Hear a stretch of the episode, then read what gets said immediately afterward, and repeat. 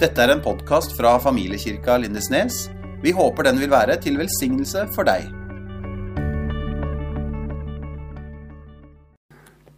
Herlig. For en fantastisk eh, intro å bare høre at taket løfter seg her nå. Med 'Jeg vil gi deg, og Herre min lovsang'. For en Ja, det var Jeg fikk gåsehud der, det, det må jeg si. Så stas å komme hertil. Hertil, det hørtes rart ut. Jeg mener jo hjem. Komme hjem til Lindesnes, komme hjem til Svennevig, eller Svinvi, er det ikke det du sier, Lloyd? I hvert fall nesten. Svinvi. Komme hjem til Svinvi. Det er virkelig stas, og det har vi gleda oss til, vi fra, vi fra Oslo. Som Anfinn sa, så var jo noe av grunnen til at eh, vi hadde lyst til å komme, og at vi, at vi tok kontakt med Rolf for nå er jo det to år siden i hvert fall, så, så var jo det å, å hedre arbeidet som er blitt gjort. Hedre det arbeidet som er blitt investert i, i barn og unge, og som Arnfinn sa, som også, ja, vi opplever fruktene av i Oslo. Det syns jeg er kult at vi kan få sette litt sånn fokus på og blikk på denne helga her. Og det tror jeg er et, et viktig perspektiv, egentlig, som Arnfinn er inne på, det med å sende. For det husker jeg når vi, når vi kom til Østre eh, inn i Oslo Østre, da mener jeg altså Oslo Østre frikirke. Så ikke helt Østre Aker, men i hvert fall Østre. Det var riktig. Og da, da husker jeg at eh, noen av de var litt slitne av at det stadig kom studenter, og så var de der bare en kort periode, og så var de av gårde. Det er, litt, det er, jo en by med stort gjennomtrekk. Og da var det en del år der det ikke var noen studenter nesten i det hele tatt. Og da trengte vi å sette litt fokus på akkurat det. At uh, vi trenger litt sånn annen, annen mindset, annen tankegang rundt hva det, vil, hva det vil si å være en storbymenighet. Og sette fokus på at ja, vi skal investere i ungdommer, investere i barn, investere i voksne og eldre når de er i Østre. Og så skal vi være de første til å velsigne og sende ut i Jesu navn når, når man kjenner at man skal videre fra Oslo. Og ut ifra det så er det liksom blitt født et, ja, noen retninger som vi jobber ut ifra. Som er det at vi samler og vi utruster, og så sender vi av gårde. Og det syns vi er ja, stas at vi denne helga kan sette fokus på at dere har vært med å utruste barn og unge gjennom mange år her på, på Svennevig og i området. Og ut ifra det så skal vi ha dette temaet her Guds folk i verden. I verden, ikke av verden. Og det er jo det er store ord. Guds folk. Hva betyr det? Hva mener vi med verden? Det er jo nok til å skrive en masteroppgave bare om den uh, overskriften der. Men da har vi heldigvis en, en god helg her på å jobbe med det. Og så håper vi som har reist fra Østre og ned hertil, at, eh, at Gud kan bruke forkynnelsen, at han kan bruke lovsang, at han kan bruke bønnevandring, som vi kan bruke senere, og, og forbønn til å, til å tale og til å inspirere til tjeneste. Både til tjeneste i menigheten, og som òg eh, Håvard var inne på i starten, til å bety noe for naboer, kollegaer osv. Så, så Guds folk i verden. Og I kveld så skal vi legge et eh, fundament for resten av helga. Der vi skal se på hva det vil si at vi er både Guds folk, og at vi er i verden. Og jeg tror det er så relevant. Og vi var egentlig inne på det når vi sa det her og hadde panelsamtale i stad. Fordi at det å være kristen det å være Guds folk i dag, det ser annerledes ut. Eller vi møter andre utfordringer, i hvert fall, enn man gjorde for 20 år siden. Jeg har ikke levd så lenge, men ja, 10 år siden. Eller dere som har levd mye lenger enn meg. Jeg tror dere er enige i at det ser annerledes ut i dag, eller det er andre utfordringer. Et eksempel kan være at for ikke så lenge siden så ble det gjort uh, undersøkelse om at, at kristne ble sett på av samfunnet som Det å være kristen, det var noe godt, for å heller si det sånn. Det, var, det bar liksom med seg at uh, denne personen, den har integritet. Det er en person du kan stole på. Og det er en person med høy moral, som lever på en god måte. Og så har det på en måte nesten den pendelen der bare snudd helt motsatt vei. Der undersøkelser viser at uh, kristne i dag nærmest blir sett på som en trussel for samfunnet. Og det er jo litt sånn som, uh, som Lars var inne på i stad. Med en gang man nevner at man er kristen, blir bombardert med spørsmål om det ene og det andre. Og det har snudd på ganske kort tid. Og Vi kunne nevnt flere sånne utfordringer. Men så er spørsmålet hvordan forholder man seg til sånne utfordringer? Skal man bare isolere seg og bare ikke ha noe med omverdenen å gjøre? Eller skal man bare gli inn i mengden og, og bare blende inn og legge av seg det som samfunnet ikke vil omfavne? Eller er det andre veier å gå her? Og For å svare på det så må vi jo gå til Guds ord. Og kan trykke Vi skal bruke israelsfolket i GT. Noen som vet hva GT betyr her? Gamle testamentet. Bra. Israelsfolket i Gamletestamentet som, som forbilde. Og vi skal se på hvordan de møtte utfordringer. Var det sånn at de isolerte seg? Eller var det sånn at de lot seg blende inn? Eller gir Gud en annen vei i de sine problemstillinger? Og da leser vi i Samuelsbøkene og i kongebøkene om at israelsfolket de bor i det landet som Gud har gitt til dem. De har sin storhetstid under kong David og under kong Salomo. Men etter det så vender israelsfolket seg stadig vekk fra Gud. Og noen generasjoner de vender seg tilbake til Gud, og så går det litt sånn i, i bølgedalene. Men så sier Gud igjen og igjen gjennom sine profeter Vend om. Vend om fra disse tomme avgudene, og vend dere til meg jeg som er den eneste sanne Gud. Står det ikke på sørlandsk, da, men uh, vend om til meg. Og Israelsfolket de lytter ikke til dette budskapet, og Gud han dømmer i form av å sende bab babylonerne er det, er ikke dobbel B. Babylonerne. Som tar over Jerusalem, ødelegger byen og israelsfolket blir sendt som slave til Babylon. Og her snakker vi jo her snakker vi utfordringer. Og da kan vi stille det spørsmålet som vi hadde oppe i stad. Hvordan skulle israelsfolket møte utfordringer når de der er borte fra sitt hjemland? Når de er slave i fiendens territorium? Og babylonerne krever at israelsfolket skal vende seg bort fra de sin gud og vende seg til babylonerne sin gud. Hvordan skal de svare på det? Skal de isolere seg, eller skal de bare si fra seg Israels gud og bare blende inn? Vi skal se på to punkter der. Og Det første punktet det er fra Jeremia kapittel 29. Og der er det Gud som sier til israelsfolket som er i Babylon Ok, Der står det.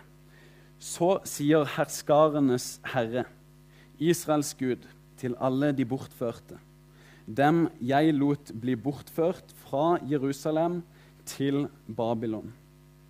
Legg merke til hva de skal gjøre. Bygg hus og bo i dem. Plant hager og spis frukten fra dem. Ta hustruer og få sønner og døtre. Ta hustruer til deres sønner og gi deres døtre bort til ektemenn, så de kan føde sønner og døtre. Så dere kan bli mange der og ikke færre. Søk fred for den byen dere er bortført til, og be til Herren for den. For når den har fred, skal dere ha fred. Hvordan skulle israelsfolket møte utfordringene? Jo, Gud sier til dem dere skal ikke isolere dere. Dere skal Du kan trykke en gang til. Dere skal bygge hus. Dere skal plante hage. Dere skal la deres unge håpefulle få ta babylonske ektemenn og ektefeller. Dere skal bli flere, dere skal søke fred, og dere skal be til Gud for byen. Israelsfolket får beskjed om at de ikke skal isolere seg, men leve tett på babylonerne. Leve tett på dem, bli kjent med dem, plante dype røtter der. De skal leve tett på de menneskene som de nå lever iblant. Hm. Det er det første jeg ville vise. Og så er det punkt to på hvordan israelsfolket skulle møte utfordringene de sto overfor. Og Da er det Daniel som er et forbilde. Og Daniel han var en av de som ble bortført til Babylon. Og Daniel han har gjort det som Jeremia 29 sier. Han har levd tett på babylonerne, og han har fått så mye tillit blant babylonerne at han er blant de nærmeste mennene til kongen. Så Daniel han isolerte seg ikke. Han levde tett på. Men var det sånn at han bare blenda inn og bare ble en babyloner? Var det sånn at han begynte å tilbe babylonernes gude som resten av samfunnet? Det skal vi se på her fra Daniel 6, 11 til 18. Så hvis du er med i Bibelen, så er det bare å bla opp der. Da er det spesielt om Daniel blender inn, eller står han fortsatt fast med den allmektige Gud? Og da leser vi. Da Daniel fikk vite at dette skrivet var blitt undertegnet, gikk han til huset sitt. I salen ovenpå, med vinduene åpne mot Jerusalem, bøyde han seg ned på sine knær tre ganger om dagen og ba og lovpriste framfor sin Gud, slik, han, slik han hadde gjort også før dette. Så samlet disse mennene seg og kom og fant Daniel, mens han påkalte og ba om nåde framfor sin Gud. Så gikk de fram for kongen og talte om kongens forordninger. Har du ikke undertegnet en forordning om at hvert menneske som de nærmeste 30 dagene bærer fram en bønn til noen annen gud, eller noe annet menneske foruten deg, konge, skal kastes i løvehulen? Kongen svarte og sa, dette står fast etter medernes og persernes lov, som ikke kan gjøres ugyldig. Da svarte de og sa framfor kongen, Daniel, som er en av de bortførte fra Juda, tar ikke hensyn til deg, konge, eller til den forordningen du har undertegnet, men tre ganger om dagen bærer han fram sin bønn. Så kjenner vi jo historien videre, at Daniel blir kasta i løvehulen. Men kong Dareios her, han, han ønsker ikke å kaste Daniel i løvehulen, for han er blitt så glad i Daniel. Daniel har levd tett på ham. Han har ikke isolert seg. Så leser vi her òg at han har ikke bare blenda inn heller. Han har holdt fast til Israels Gud. Selv om loven i Babylon sa at det ikke var lov å tilbe Israels Gud. Så igjen, ikke sant? han blender ikke bare inn, men samtidig så lever han tett på mennesket og tett på Israels Gud. Som her ikke sant? det blir uttrykt med at han bøyer seg for Gud tre ganger til dagen og har jo skikkelig solide bønnerutiner. Du kan trykke en gang til. Så på den ene sida så får altså israelsfolket befaling fra Gud om å være i verden. De skal ikke isolere seg, men leve tett på babylonerne. På den andre sida er de fortsatt Guds folk. De skal derfor fortsatt være annerledes, fordi de tilhører den eneste sanne Gud. Og han er den eneste de skal bøye seg for, ikke andre guder. Selv om de bodde hos fienden. Og ikke sant, En naturlig reaksjon når du kommer til fienden som har ødelagt hjemmet ditt, og som har brent ned byen du har bodd i, det vil jo kanskje være å svare med med hat eller med vold. Men israelsfolket får beskjed om å skape fred. De skal elske sine fiender. De skulle være Guds folk, et annerledes folk. Så på den ene sida ikke blende inn. De skulle elske Herren sin Gud på den andre sida skulle ikke isolere seg, de skulle leve tett på mennesket og elske mennesket. Er ikke det en oppsummering av uh, Jesu budskap og hvordan Jesus levde? Han sa det mest sentrale budet i loven er at du skal elske Herren din Gud. Du skal elske mennesket. Og det var ikke bare noe han sa, det var noe han levde ut. Så skal jeg bruke ett til bilde på det. Og det er nemlig at vi som kristne i dag, vi er både innfødte og pilegrimer på samme tid. Pilegrim er kanskje et, et, gammelt ord, men jeg tror dere vet hva jeg mener. Så på den ene sida har jeg sagt at, at de ikke skulle isolere seg. Og et ord på det, det er at israelsfolket skulle være innfødt. Og når israelsfolket skulle være det, så skal vi òg være innfødte. Jeg tror de fleste av oss har et norsk pass. Dette er det typiske norske, kall det innfødte ting. Det var ikke en brunost, men det står i hvert fall brunost, langrenn og lusekofte. Som jeg tenker er typisk, i hvert fall litt typisk norsk. ikke sant? og jeg er innfødt i kongeriket Norge. Her er jeg en innfødt. Samtidig så sier Bibelen at vi er pilegrimer. Og her, hvis du trykker en gang til, så har vi noen bilder fra klassiske pilegrimsturer. Det er vanlig å gå med sekk og gå lange turer. Og det nærmeste jeg kommer pilegrimstur, det er når jeg er i Jerusalem. Jeg går ikke ned da, vi tar fly, men det er i hvert fall det nærmeste jeg kommer en pilegrimstur. Og da er jo ikke jeg en del av samfunnet der. Ikke sant? Jeg er ikke en innfødt. Jeg er ikke en del av kulturen, men jeg er på gjennomreise. Jeg er turist der. Jeg er en pilegrim i Israel. Og her står man i et spenn. Her er det en spenning. Fra den ene sida innfødt i Norge. På den andre sida pilegrim i Israel. Og Det syns jeg er et godt bilde på hva det vil si å være Guds folk i verden. På den ene sida innfødt, på den andre sida pilegrim. Og Det krever jo at vi har to tanker i hodet samtidig.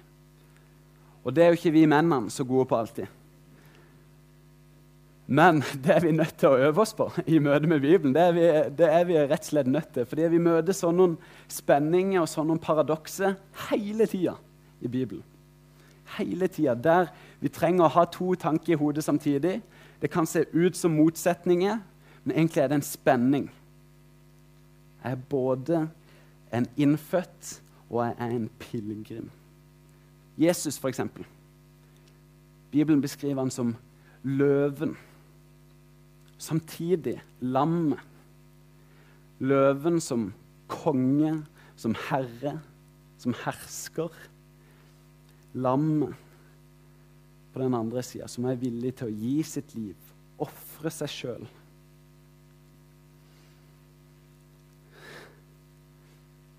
Og da er det ikke sånn at vi bare skal betone den ene sida. Vi må klare å holde oppe en, en spenning. At ja, Jesus han har gitt sitt liv for oss. Og i den spenninga der, på samme vis, samtidig, så ønsker han å være vår herre. Han ønsker å sitte i førersetet i våre liv. Ikke bare bli kasta bak i trunken, og så dra han fram når vi trenger han.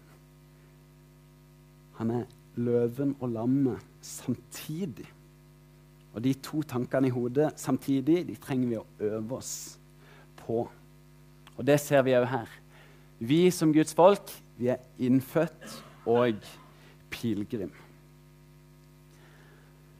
Så vi starter med å spørre hva det vil si at vi både er Guds folk, og at vi er i verden.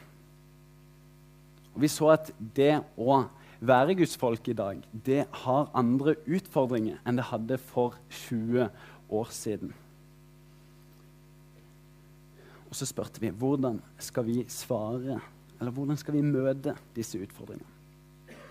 Skal vi isolere oss, eller skal vi blende inn og bare legge fra oss det som samfunnet ikke vil omfavne, eller er det en annen vei? Vi har sett med israelsfolket i Babylon at svaret er verken å isolere seg eller blende inn. Det er et sted midt imellom. Der vi trenger å ha to tanker i hodet samtidig. Der vi er tett på mennesket som innfødte, og der vi er tett på Jesus, vår Herre, som pilegrimer. Og jeg vet ikke hvordan det ser ut i ditt liv å være et Guds folk, å være innfødt og pilegrim samtidig. Men det er noe vi skal bevege oss inn i i løpet av denne helga. Som jeg sa, heldigvis har vi en, en helg å se på dette på. Det skal vi begynne med allerede i morgen på bibeltimen. Så det blir spennende. Jeg ber en kort bønn, og dere kan komme opp. Gode pappa, jeg takker deg for at du er her. Takker deg for at vi får være ditt folk, Herre. Og så ser du at vi møter utfordringer som ditt folk i verden i dag, Herre. Ditt folk her på Svennevig og Reme og Spangereid i området her, så møter vi òg utfordringer. Så bare ber vi i Jesu navn om at du må hjelpe oss til det som vi her snakker om. Du må hjelpe oss til å både leve tett på mennesket, samtidig òg leve tett på deg, Herre. Ikke isolere oss, ikke bare blende inn. Det er vi helt avhengig av at du leder til, Herre. Så bare ber vi òg for, for resten av helga. Ber om at du skal utruste oss og lede oss og fylle oss, Herre. I Jesu navn. Amen. Tusen takk for at du hørte på vår podkast. Følg oss gjerne på vår Facebook-side Familiekirka Lindesnes.